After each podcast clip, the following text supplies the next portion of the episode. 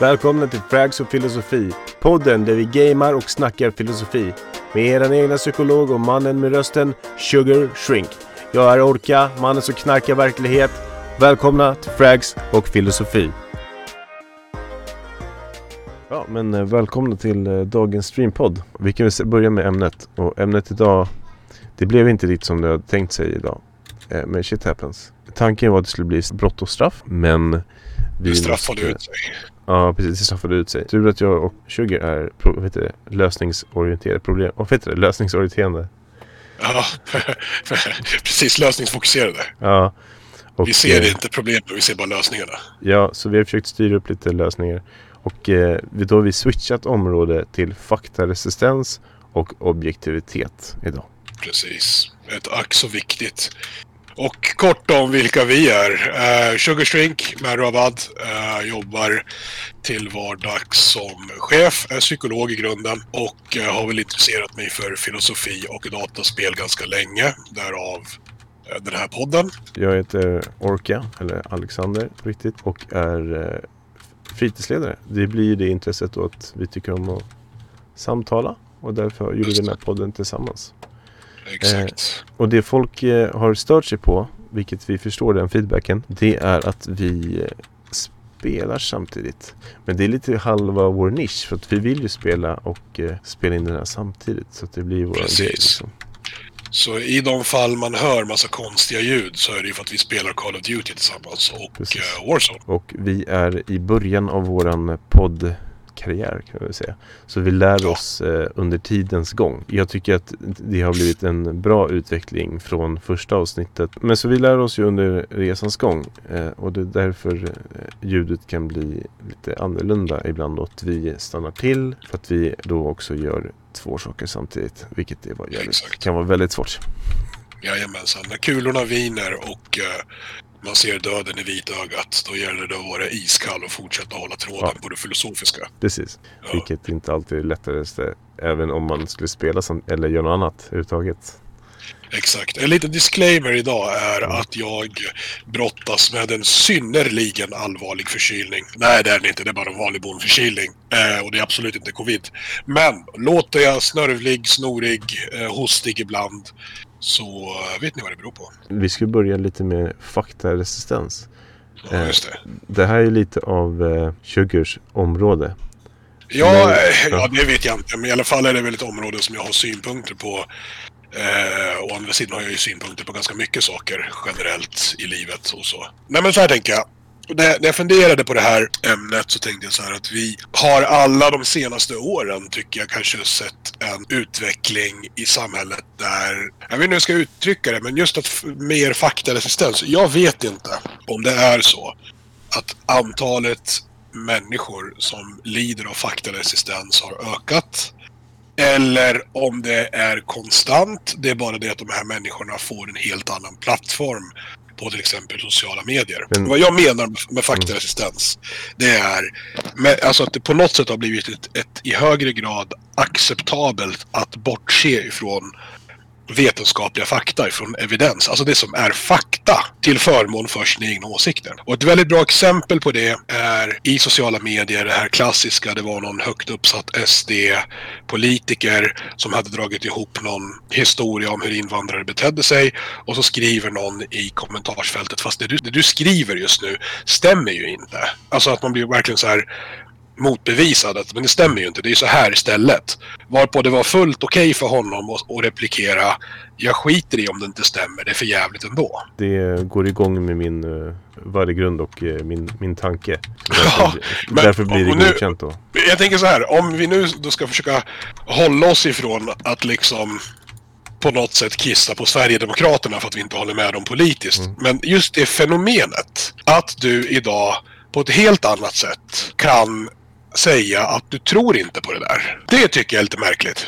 Men det stöter jag på rätt ofta som fritidsledare. Också att, Ja. eh, För att jag älskar att argumentera. Eh, Annars hade jag inte suttit här. Det är väl inte just att bara argumentera. Det är att man får ett samtal. Och det är samtalet jag är mer ute efter.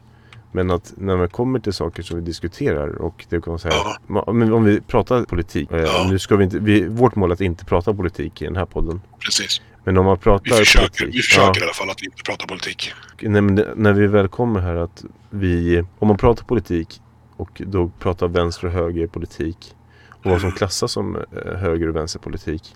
Ja. Det kan liksom ibland så differerar det på vilken vart man har lärt sig vilken, politiken ifrån. ja. Och eh, det som vi pratade första om demokrati, om att även filosof, filosofin i sig, att olika ställen är ju, ser vi politik olika. Precis. Så det Vad som är vänster i ett land är ju nästan höger i ett annat. Precis, så, och, och då blir det så här, okej, eh, och då får man ju ha samtalet om, då, kanske, då är det svårt att binda en fakta till det.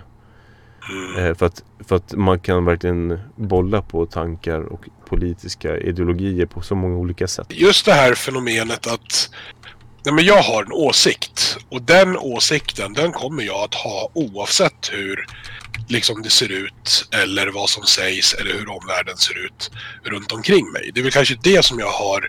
Vi pratade ju om det här lite grann när det eh, Alltså som sagt, vi kommer ju inte ifrån det faktum att politik och liksom vetenskap eller brist på vetenskap hör, kommer att höra ihop. Utan Mm. så var det ju faktiskt eh, när vi pratade om eh, det här med narkotika. Eh, Ja. när, när Rocky var med.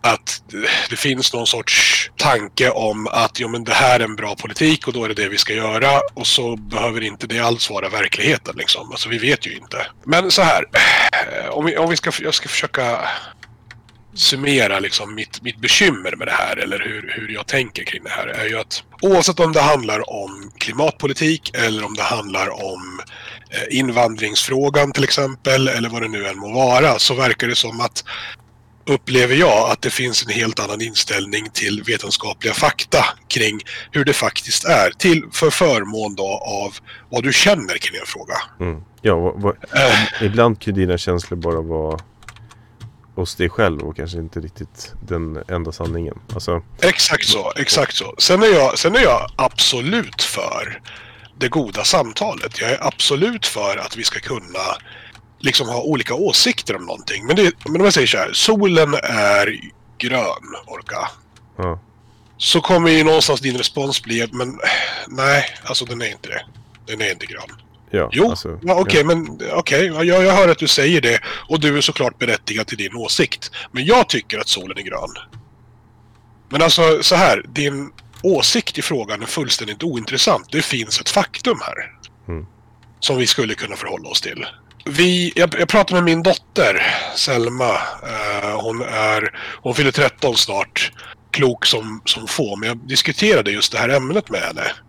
Eh, om du ger mig 400 spänn så köper jag en UAV. jag trodde du sa det till din dotter. Nej, jag sa det till dig.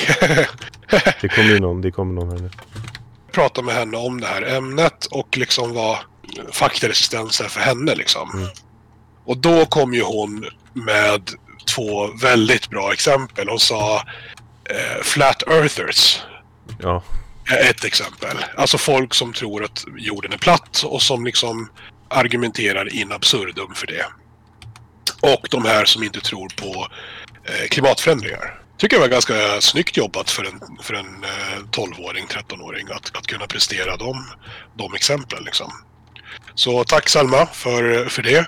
Och jag tycker att det är väl skitbra. Just det här eh, liksom, att jorden är platt rörelsen är väl ett jättebra avstamp på eh, eller i, i den här frågan. Alltså vi har människor som på fullt allvar tycker att eller tror att jorden är platt. Ja. Och är beredda att in absurdum argumentera för det också.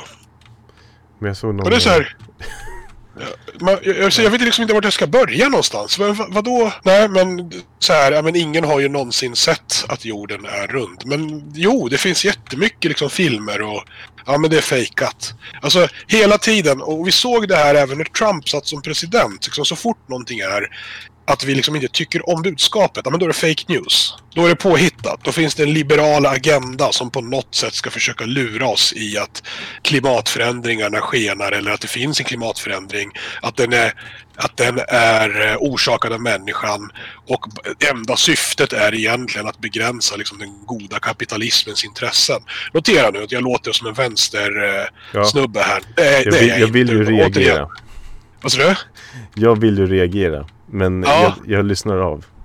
Ja, okej, okay, du ska få göra det. Men förstår du vad jag, vad jag... Alltså nu är inte jag vänster. Och så återigen, vi ska försöka lämna politiken. Mm. Det jag på något sätt vänder mig emot, det är hur vi tolkar fakta, avfärdar fakta ifall de inte passar oss, mm. så att vi ska slippa förhålla oss till fakta därför att jag har en åsikt i den här frågan och då är fakta oint- alltså fullständigt ointressant. Ja. Förstår du varför jag ville ta upp det här med, med faktaresistens ja. då? Och min Men det, är det är lite dagens eh, samhälle, tänker jag. Alltså hel, ja. helhet. Ja, och eh. varför har det blivit så?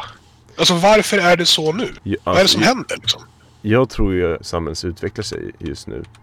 Ja. I just, alltså det vi har ju pratat om det förut, postmodernismen och intersektionaliteten.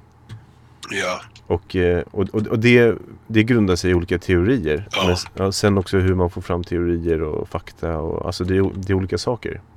Ja. Eh, men jag, jag tycker om att titta på vart kommer den här grunden av den här teorin ifrån. Och ja. det, det, är min, mitt intresse. Och titta på de här grejerna som säger Okej, okay, men vart kommer den här teorin ifrån? Vem är som vart är den filosofiska tanken ifrån? Kolla på till exempel postmodernismen och liksom bena ut den, vart den, vart den grundar sig ifrån. Och det är, ett, det är ett ämne i sig, men det är också en, ett verktyg att förstå den, det man samtalar om. Förstår du vad jag menar? Ja, ja jag förstår med dig där. Jag, alltså, så här, för mig är det lite så här, ja men vi, om vi försöker titta det här och sätta in det här i ett historiskt sammanhang då. Så säger vi så här att det fanns en tid då vi kanske inte visste så mycket. Det fanns en tid då vi kanske inte visste så mycket och vi såg det här liksom eh, stora klotet gå upp varje dag och vi eh, utsattes för en massa eh, naturfenomen som vi inte förstod. Vi kunde inte riktigt få svar på eh, varför världen såg ut som den gör och då liksom uppfann vi någonstans religionen för att ja, men lösa de här krångliga frågorna åt oss. Liksom. Men det är Gud som har skapat eh, det är Gud som har skapat det här eller det ena eller det andra. Sen då så händer ju någonting. Alltså vi får ju någonstans verktyg för att på något sätt börja utforska vår omvärld och det är ju liksom de första filosoferna egentligen. Så att vetenskapshistorien, den lär ju oss att vetenskapshistoria det är som studiet av, av hur vi människor har försökt förstå vår omvärld. Det är egentligen det vetenskapshistorien eh, lär oss. Det är, ju, det är ju allt ifrån Aristoteles till en hejdundrandes massa filosofer som har påverkat hur mm. vetenskap ser ut idag för oss. Hur eh, samhället bemöter de här filosoferna även var också väldigt faktaresistenta. Alltså om man tänker så. Jo, jo, men så är det ju. Så är det, men om man tittar liksom bara på hur... Eh, vad heter han då? Han som hävdade att solen... Eh, att jorden kretsar kring solen snarare än tvärtom. Gud, jag har tappat bort namnet. Eh, Galileo. Galileo, ja. Tack så mycket. Eh, bara hur han... Han var ju tvungen att liksom backa på det påståendet. För att det skulle ju innebära liksom att jorden och Guds skapelse inte var liksom universums medelpunkt. Och så, så fick man ju inte säga. Så där var det ju absolut faktaresistent. Men icke desto mindre så har vi haft en utveckling där människor ställer sig frågan vad är det här? Alltså, en, en, en, det börjar alltid med en fråga. Alltså vetenskap börjar alltid med en fråga, med en nyfikenhet på ett, på ett visst fenomen eller på omvärlden. Mm. Vad är detta? Eller hur funkar detta? Eller varför finns detta? Och så då så ställer man upp liksom en tanke, en hypotes om varför det här finns. Och sen då så säger då god vetenskaplig sed att då ska du då antingen då eh, utföra någon form av experiment för att testa din hypotes eller observera. Så att vi har ju lite grann med liksom alla strömningarna inom vetenskapshistorien med eh, logisk positivism, eh, empiri, alla de här som på något sätt försöker förstå omvärlden. Sen då när vi har gjort våra observationer ja, men då, fatt, då drar vi någon form av slutsats. Så här, ja, det stämde eller nej, det beror på det här eller eh, nej, det stämde inte. Vår hypotes var felaktig så vi hade fel. Och det är också viktigt att komma ihåg att när du idkar någon sorts god vetenskaplighet, då har du inte bestämt dig för vilket svar du ska få innan. Du kan ha en hypotes. Den hypotesen är ju oftast öppen. Den säger då att ja, men vi, vi provar det här och, och sen då, hur tråkigt eller jobbigt svaret än är, så är det det som är det vetenskapliga svaret. Sen kan vi bygga på en, en, en del två på det här sen också. Och det är det som säger att eh, det finns liksom inga hypoteser som är hundraprocentiga. Det går alltid att motbevisa en hypotes, men det är också god vetenskaplig vetenskaplighet. Men det, Men notera här att ingenstans i det här resonemanget så frågar någon vad tycker du eller vad känner du i, inför Nej. det här? Och det är egentligen oväsentligt vad man känner eller Det är fullständigt oväsentligt. Ja. Jag kan vara lite kall ibland när jag Ja. eh, får argument.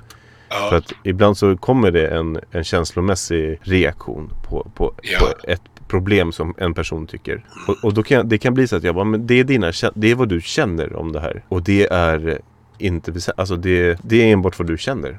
Och det behöver Ja. inte vara sanningen. Precis. Den kommentaren tycker folk inte om att få. Därför att vi är så vana vid att vi ska validera vår, våra känslor och vårt känsloliv. Ja, det ska vi göra. Absolut. Alltså, det är klart att du får känna saker. Det handlar inte om att du inte får känna saker. Eller tycka saker. Tvärtom. Liksom, diskussion är bra och att vi inte är helt överens också bra. Ja, det är inte... Inte på något sätt är det så att vi måste vara överens om allting. Nej, och det, Men- det, det är det jag tycker är det bästa med att vara människa. Att vi Ja. inte behöver komma överens. Ja, precis. Men samtidigt då så finns så gör man liksom misstaget i att så här att ja men bara för att jag känner så här så har jag rätt. Mm. Ah, nej, så är det inte. Du får känna saker utan att du har rätt. Det finns, det finns saker man kan känna det som, som ändå är liksom, ja, objektivt fel. faktaresistens tänker jag att vi ser ett problem i samhället. Det är ju, det är ju vad, vad vi pratade om förut när vi, när, hur, hur vi ser på saker. Vi ser ju ett problem ur olika vinklar. Du pratade om eh, faktaresistens och jag pratade om objektivitet. Ja, Och det finns en här gammal bild på, det är två personer som står framför en sexa och en nio, alltså en, och, en, en Ja. siffra. Och det, siffr- siffran är Ja, en sexa. precis. Och exakt. personen, ena personen på, står på ena sidan och den andra personen står på den andra. Ja. Och det säger, ja, det är nio och de försöker övertala varandra. Vad är det för det för siffra liksom? Ja, men precis. Det finns ju en annan, ett annan liknelse där ett antal blinda människor eh, ska försöka beskriva vad en elefant är, men de har aldrig Mm. sett en elefant och ingen vet hur en elefant ser ut. Och den ena personen känner på snabeln och säger att ja, men en elefant, det är en det är en väldigt lång, smal, slingrig sak som är ganska stark. Den påminner lite grann om en orm.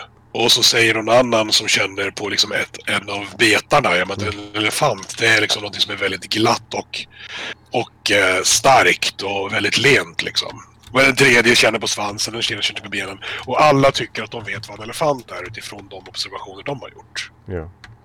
Det här är ett jättebra exempel därför att det pekar ju också på svagheterna med vetenskap. Det är att vi, om vi väljer att studera och observera, dra slutsatser, ha hypoteser om ett visst om, om, om en viss del av vår omvärld så är det ju inte Mm. samma sak som att vi har förklarat hela omvärlden.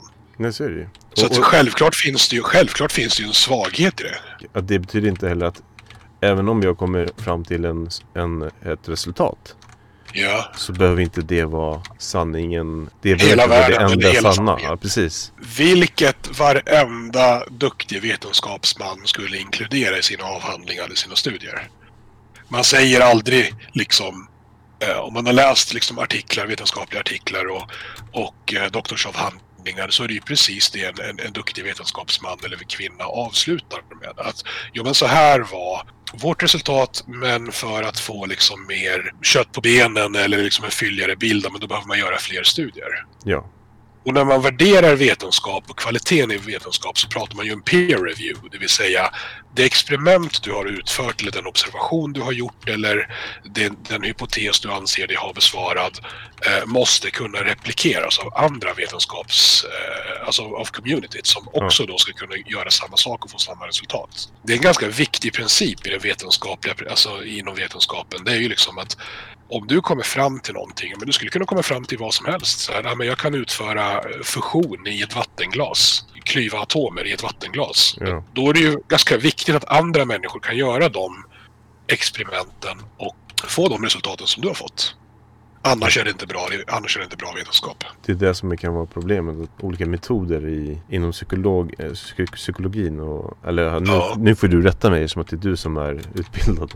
Eh, men till exempel, jag jobb, jobbar ju som fritidslärare men jag har jobbat mycket inom eh, gymnasiet. Och där är det så här, ja men nu ska alla jobba på det här sättet. För det är en ny metod som har kommit fram. Just det. Men det är så här också, är det en metod för en viss ungdom eller så, nå- någon som behöver det? Ja. behöver den metoden. Men det betyder inte att alla behöver den metoden. Eller att det inte funkar på alla. Så är det. Det det handlar om att, att vi även ska kunna vara öppna för nya saker. Inte bara på grund av att vi tror alltså det Jag tycker det är svinbra när man tror på någonting som är genuint superbra för alla människor. Ja. Men man måste också tänka så här, okej det här kanske inte passar den här människan. Eller det här kanske inte funkar här. För man måste se, alla vi människor är ju unika. Alltså fast, även fast vi är stort sett likadana. ja. Så är vi alla precis. unika för att vi tänker Så är det ju. olika. Det jag undrar lite grann, återigen till min frågeställning när det gäller det här med faktaresistens och, ehm, är ju just att när, när blev det så här? Varför blev det så här? Vi vet ju, det mesta i världshistorien, det går liksom i cykler. Vi har cykler där vi blir mer progressiva, vi har cykler där hela samhället blir mer liberalt och sen har vi cykler där samhället blir liksom mer konservativt och så vidare. Det är ingenting nytt. Det är Nej. inte det är absolut ingenting nytt att det är fler nu i Europa, Ungern, Polen, eh, som förespråkar nationalstat. På 80-talet så var det liksom inte, eh, knappast någon, någon tillfällighet att, att de högerextrema partierna liksom inte hade så mycket medgång eller medvind. Det, det är inget konstigt i sig. Utan någonting hände i samhället där du vill utmana liksom normen, där du vill utmana det här, eh, ja men saker som vi har hållit för sanningar ganska länge. Liksom. Människors, alla människors lika, lika värde, att homosexuella har samma rätt. Alltså det finns ju någonstans kring de här högerextrema partierna som vänder sig emot det här. Kvinnans frigörelse, man tycker inte om homosexuella, man tycker inte om invandrare, man förespråkar en sann nationalstat och så vidare och så vidare. Man vill stärka det egna, man vill liksom minska influensen från det, det yttre och det främmande utifrån. Så min teori, eller min tes, det är att det här med faktaresistens hänger ihop med det. Och, och jag säger inte att jag vet på vilket sätt och jag säger absolut inte att människor med en viss politisk åsikt är dummare än andra. Eh, det säger jag inte. Även om jag tycker det så är det inte det jag säger. Men jag har inte sagt det i alla fall. Så, men, men någonting händer det ju. Där, där man på något sätt... Nej, men man är beredd att bortse ifrån att det ser ut som, ett, som på ett speciellt sätt i samhället. Och eh, det är jävla fascinerande med det där. Varför nu? Varför är det på det här sättet? Och jag har verkligen inget bra svar. Jag vet inte om de som lyssnar skulle kunna komma in med någon bra input där. Om, om vi säger att jag... Eh, eh, jag vill alltid ta mig själv som exempel. Men om, Ja. se- om, om det är någon som tror sig besitta den här faktan. Som Ja. sitter och snackar på ett fik om någonting. Och de håller, de håller inte emot sig. Men, och det är också lätt att det här samtalsklimatet är ju så gott som borta i dagens samhälle. För att det, det är så många som känner sig bestörta om man skulle säga någonting som inte förhåller sig till deras världssyn. Har du något exempel? Man, man har ju alltid hört om den här lättkränkta svensken. När jag växte upp så, så här, vad, vad var kränkthet då? Då Ja, var det typ om du blev nedslagen på stan. Då var det ju, alltså nu, då, var man ju, då blev man ju misshandlad. ja, Eh, men nu kan det vara att du bara tyck, har en annan åsikt. Och då, då kan det Ja. bli att du inte alls får sitta med nästa gång liksom. ja, precis. Och jag tror inte, det handlar nog inte om faktaresistens. Det handlar bara om att hur vi har gått ifrån att vi samtalar med varandra. För att vi inte kan se varandras olika objektiv. Eller alltså, vi kan inte tänka så här, okej den här personen tror, tänker så. Jag håller inte med, men jag kan respektera din åsikt att tycka så. Exakt.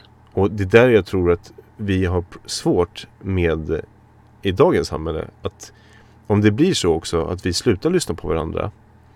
Då blir det ju sämre för, för alla. Så och då kommer vi börja med det här att folk börjar dela in sig i vilka man är och så här. Och sen så börjar man snacka. Alltså, och det, jag känner lite med dagens ideologi att vi är på väg dit. Det är min ståndpunkt. Men, men sen... Nej, men jag, håller, jag håller med dig och jag tror att jag tror att hela det här fenomenet handlar ju mycket om identitet. Eh, nu pratade vi ju, nu sa ju vi att vi skulle ha identitet som ett eget ämne vid något tillfälle. Mm. Men jag tror absolut att det här är kopplat till känslan av identitet, så tror jag. Ja. Det vill säga vi som tror på det här kontra de, liksom, de som tror på det här som bara ägnar sig åt fake news. ja. Så, så visst tror jag att det finns ett stort... Jag tror att det är väldigt insiktsfullt att tänka att ja, men här finns det en, en komponent som faktiskt handlar om identitet i det här.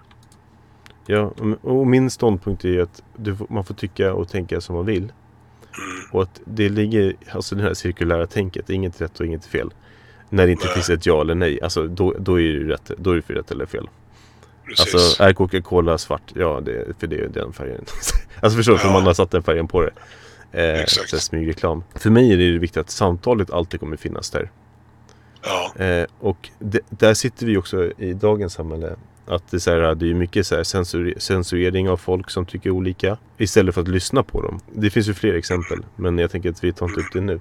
Men jag såg nu också att eh, Marcus skrev här i, eh, i chatten. Just fakta idag är, är så farligt också för att det finns så många som säger att olika saker och förvränger och vrider så att det knallar Ja. en själv. Allting handlar om makt, tro och pengar i slutändan. Precis.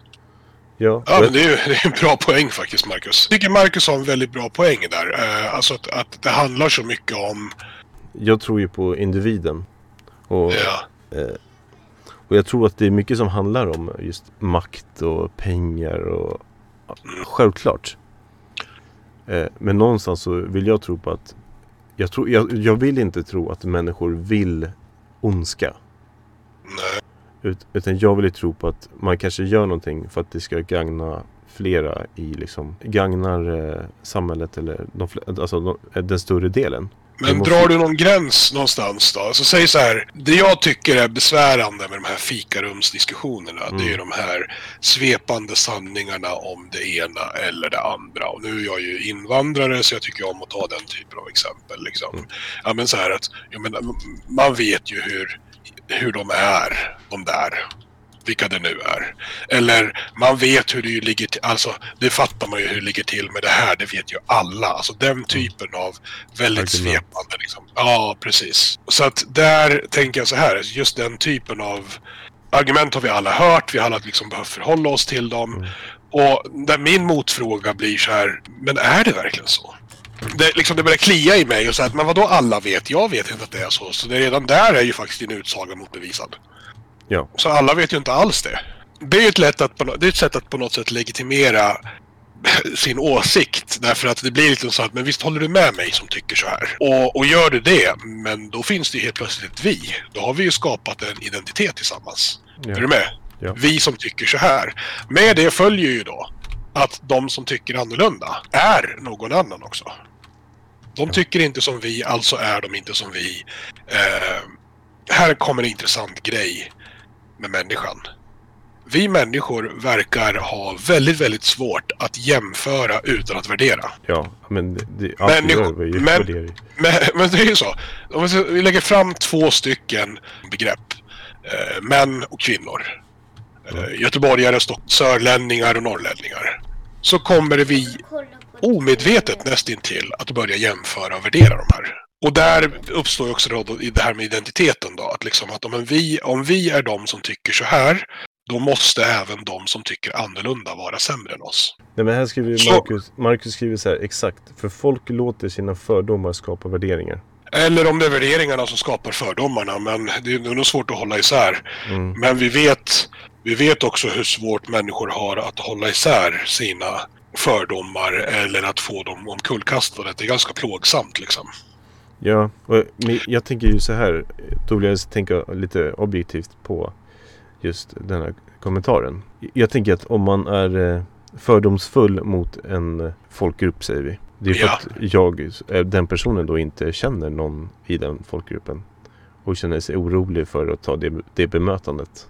Och att det grundar sig i okunskap för den människan som man, man inte har träffat. Och, alltså förstår du, man vet inte hur man kopplar värderingar och, och då får man sina eh, fördomar då. Eller jag vet inte, alltså det är väl bara jag tänker att här, bara för Men det är ändå någonting mer. Alltså, säg, om vi säger så här. Jag- har mina överdrivna exempel. Mm. Om vi säger så här att ja, men det, nu finns en studie som visar att 43-åriga skalliga psykologer som har tatueringar på högra armen är överrep- ja skägg har de också, ett grått Mm. skägg, är överrepresenterade i brottsstatistiken bland rånare. Vi ser här att 70% av de vi plockar in för rån, det är människor som har de attributen. De Mm. är 43 år gamla, de har en liten kula De är liksom skäggiga och sådär. Mm. Vilket stämmer in på mig själv då, uppenbarligen. För, då, för er som inte har förstått det. Det är väl en ganska grov beskrivning av hur jag ser ut. Då måste ju någonstans min första tanke vara så här. Aj då. Stämmer det här? Titta på liksom, okej, okay, hur har man undersökt det här? Ja. Hur har man kommit fram till det här? Hur man har grupperat dig som människa. Så kan det vara. Så kan det vara. Men notera nu att den första tanken måste ju vara måste ju vara någonstans undrar om det här stämmer. Det här måste jag titta lite mer på. Mm. Jag måste ställa lite kritiska frågor. Jag måste, jag måste kanske undersöka lite grann kring urval. Därför att jag menar spontant så känns det ju inte roligt att någon beskriver rånare med de attributen som jag har. Det blir liksom en direkt attack på mig som person känns det som. Frågan måste bli någonstans, precis, frågan måste ju någonstans bli, stämmer det här? Inte! Nej, det där är skitsnack. Det där är fake news. Alltså hur obehaglig en sanning eller ett faktum än är så måste man ju ändå kunna förhålla sig kritiskt till den. Men vi kan ju liksom inte avfärda den med att nej men, nej men det här faktat som jag har fått presenterat det sårade mitt ego eller det utmanade min världsbild. Alltså välja att avfärda det som, som fake. Ja, det blir lättaste försvaret. Men så är det ju. Men, men det är det här jag pratar om, att, att få sin världsbild utmanad eller att få fakta som man kanske inte håller med om. Man måste ju fortfarande kunna hålla sig, alltså förhålla sig kritisk till både sin egen reaktion men också fakta till sig och ställa kritiska frågor. Om något, ja men vi kanske kan motbevisa faktat eller faktumet eller, mm. eller det här som vi har fått oss presenterade för oss. Men det är kanske också är så att vi faktiskt genom att undersöka det och kritiskt faktiskt kan inse att men oj, eh, det är verkligen så att rånare till 75 procent Eh, är psykologer, 43 år gamla, har skägg och tatueringar på höger arm. Och då, blir, då blir, kommer ju nästa fråga då. Okej, okay, men undrar varför det är så? Är det utbildningen som gör att man blir sån? Eller är det andra faktorer? Eller är det, för vi kan ju liksom inte nöja, jag kan ju inte nöja mig eftersom jag är en 43-årig psykolog så kan inte jag nöja mig med att det bara är så. Jag vill ju ta reda på varför det är så också. Alltså det, men det, måste, det ligger ju i intresset hos människan tänker jag. Ja men precis, och då, och då har vi ju det här utforskandet hela tiden. Det här kritiska förhållningssättet till vår omvärld. Det ständigt frågande, ständigt liksom funderande kring hur världen är beskaffad och framförallt en öppenhet. Alltså jag har bara en pistol så att jag kommer inte ja, kunna... Eh, eh, ett ständigt liksom utforskande av vår verklighet och, och ett kritiskt förhållningssätt till den. Men det jag upplever sker i större grad nu, det är just det här. Äh, fake news. Äh, bullshit. Äh, men det där stämmer inte. Äh, men alla vet ju att det ligger till så här egentligen. Etc, etc. Och det är någonting som jag inte på något sätt tror har kulminerat. Jag tror att vi kommer se, få se mycket, mycket mer av just den typen av, av resonemang och förhållningssätt. Ja, jag tycker ju om att, att faktiskt ta till mig fakta men också titta på mm. Tittar vi på olika liksom, studier så de görs ju på olika sätt också. Studier tolkas ju på olika sätt. Eh, ja. De eh, beställs av olika människor. Alltså det, det. Det finns ju liksom det finns en anledning varför en studie blir en studie. Och sen eh, finns ju anledningen vad är det man vill få fram. Och ibland är det ju inte liksom eh, klippt och skuret neutral, eh, neutralt förhållningssätt. Jag skulle säga att det är väldigt sällan det är det. Tänk om alla kunde sitta där och så här, ja men det här är faktiskt taget ur en forskningssynpunkt som är neutral. Det jag hoppas på att då kanske vi kan komma vidare i ja. samhällsutvecklingen liksom. Jag tror det är viktigt dock att just när vi pratar om termerna av, av... Eh, är du ute igen eller? Ja. Okej. Okay. Eh, när vi pratar i termer av... Vänta med att köpa ut mig tills jag har kört min fight. Eh, objektivitet är... Jag tror verkligen inte att det finns alltså objektivitet. Jag upplever inte att det finns någon objektivitet. Du tror inte på att det finns objektivitet? Nej, jag tror inte det. Jag tror att vi kan inbilla oss att vi är objektiva. Men apropå det du precis sa med studier, med, med eh, tidningar, med politik, med nyheter. Så finns det alltid en agenda eller en åsikt bakom. Ja, alltså... Och det, jag säger inte håller... att det är dåligt, det säger jag inte. Nej, men där håller jag helt med. Men det också handlar ju om hur öppen en person är för att ta emot en annan världsbild och en annan, ett annat ja. tankes, äh, tankesätt. Man behöver inte hålla, men det, och det har jag liksom sagt förut att man, man, kan, man kan verkligen tycka olika och, men det är att man måste kanske respektera att folk tycker olika. Och det är oftast det som är det svåraste. Och eh, att det inte finns objektivitet, absolut. Vid en studie, om vi finner oss i en studie så blir det ju att den är ju beställd från någonstans. Med någon som har förklarat varför. Men om Så vi tar ett samtal, eller om vi tar en då blir det att om man slutar ett samtal på en fritidsgård, ett café eller ja, vart som helst. Hemma i köket. Att vi ändå kan samtala med varandra objektivt. Eh, vi ser att man vill köpa... Och det, och, och det, tror jag, det tror jag att det kommer att gå bra till en viss gräns. Tills du börjar närma dig de här frågorna som handlar om någon form av djup världsbild eller eh, sanning om omvärlden. Alltså när du kommer komma fram till dem, då tror jag det är där vi börjar liksom offra vetenskapen till förmån för våra egna åsikter. Det du kallar objektivt kallar väl jag att, att vara lite självkritisk på något sätt. Det är just det här att sluta aldrig vara kritisk till det som presenteras för dig.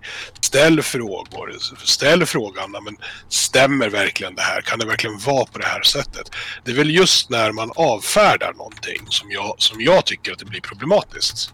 När man, när man liksom utan vidare liksom har bestämt sig för att Nej, men det här stämmer inte, det här är bullshit, det här är skitsnack. Där tycker jag att det blir problematiskt. Må- ja, ja, och jag, där har jag funnit mig i många samtal. Då pratar vi om vem, vem man pratar med, hur vi pratar. Ja, vi tänkte lika.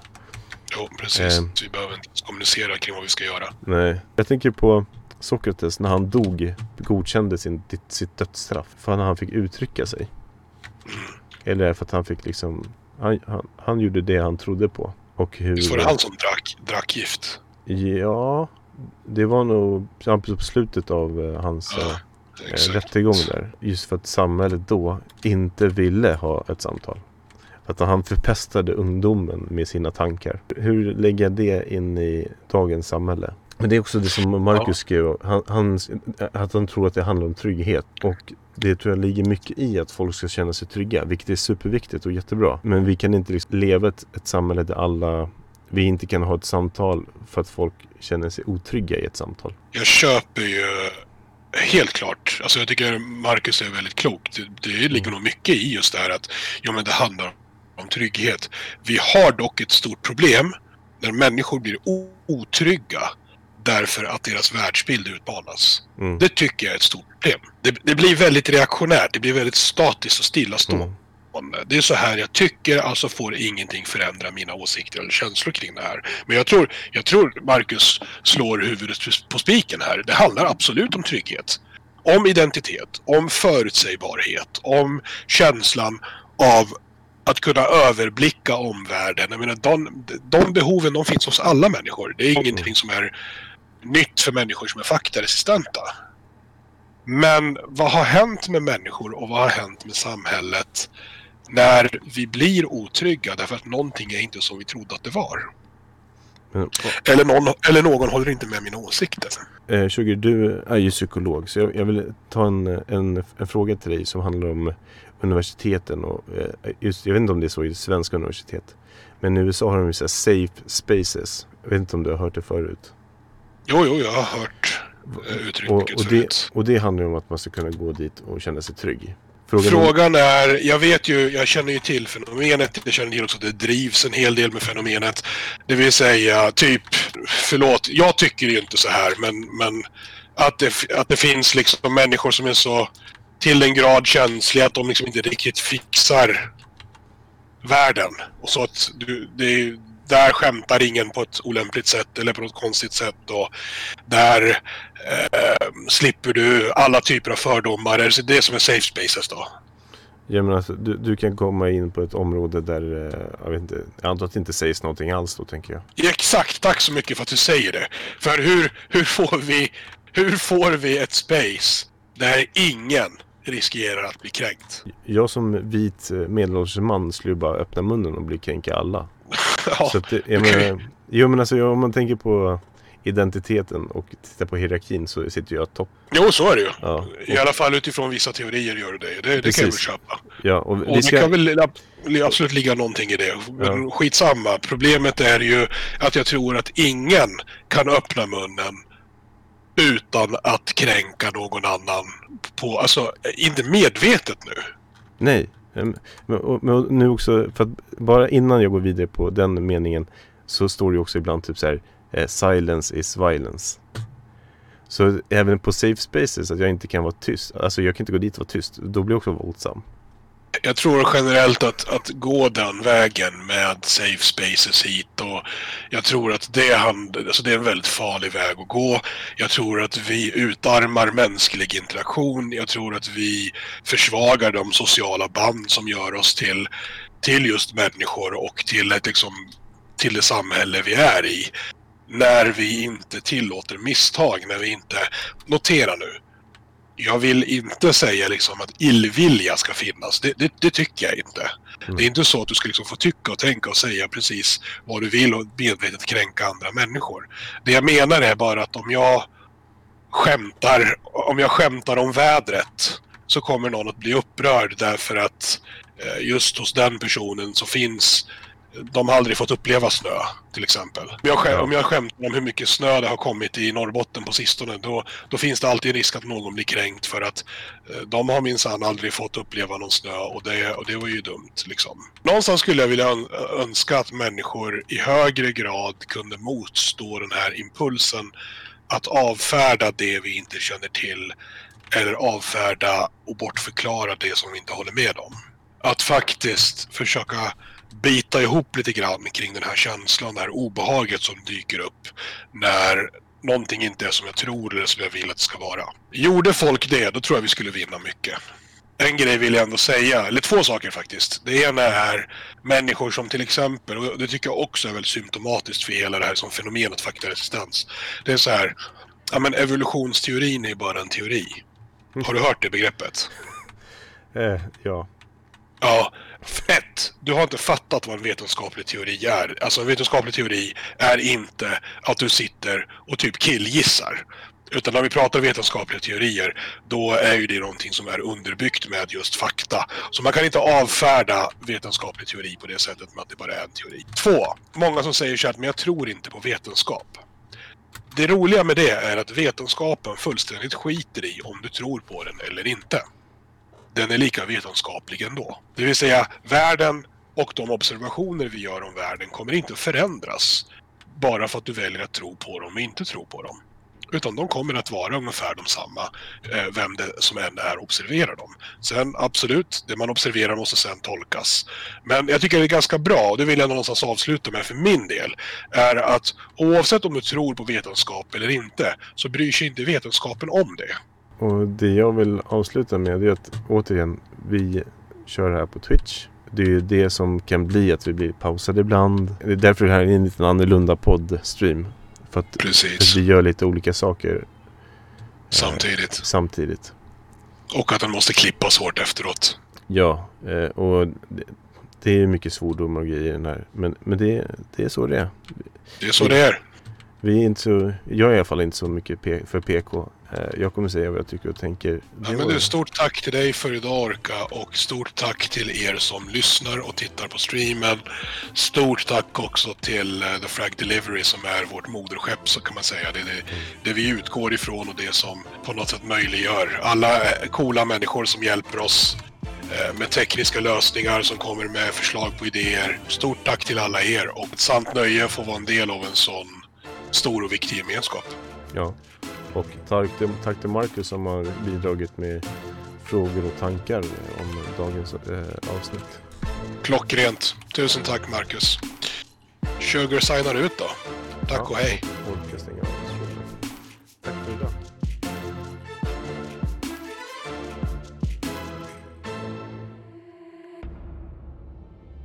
Tack för att du har lyssnat på Frags och filosofi. Dessa avsnitt spelas in live på Twitch. Och vill du vara med i nästa avsnitt, skriv i chatten eller spela med oss som gäst. Vill du lyssna på fler avsnitt så finns vi på Spotify och på Tyresö närradio. Länk finns nedan. Tack för att du har lyssnat.